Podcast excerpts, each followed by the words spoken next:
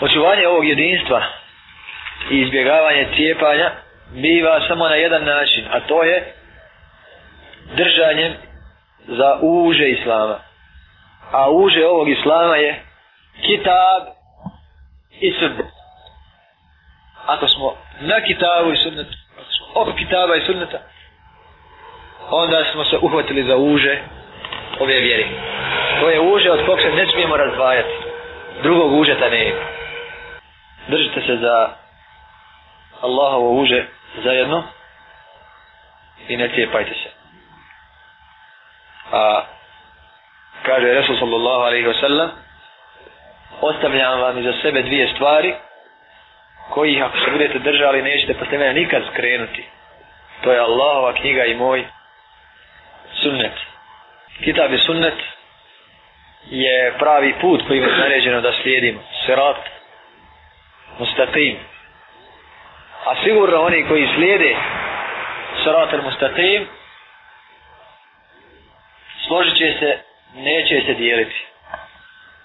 Složit će se oko onog što im naređuje Allah Želešan i što im propisuje Resul sallallahu alaihi wa sallam. I hadisi ih spajaju i vežu, objedinjuju. Odstupanje od kitaba i sunnata je razlog razimo i laženja.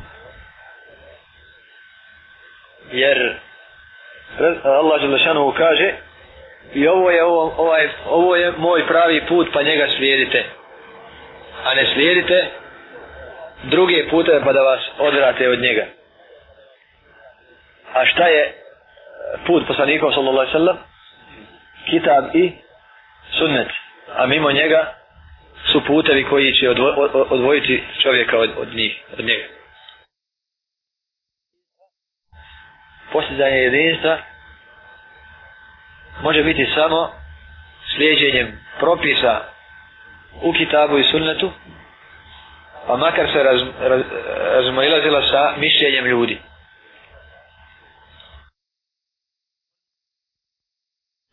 Oni koji se drže kitaba i sunneta su džemaat. Pa makar oni bili manjina, a odstupala od kitaba i sunneta mnogo veća skupina. Ili većina ljudi. Džemaat. Nego skupina koja se drži kitaba i sunneta je džemaat.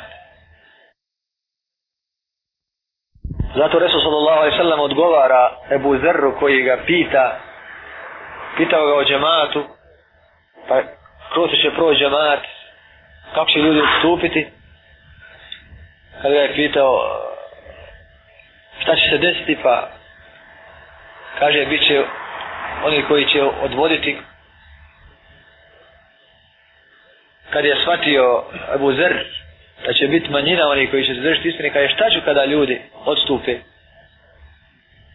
Kako će biti moje ponašanje?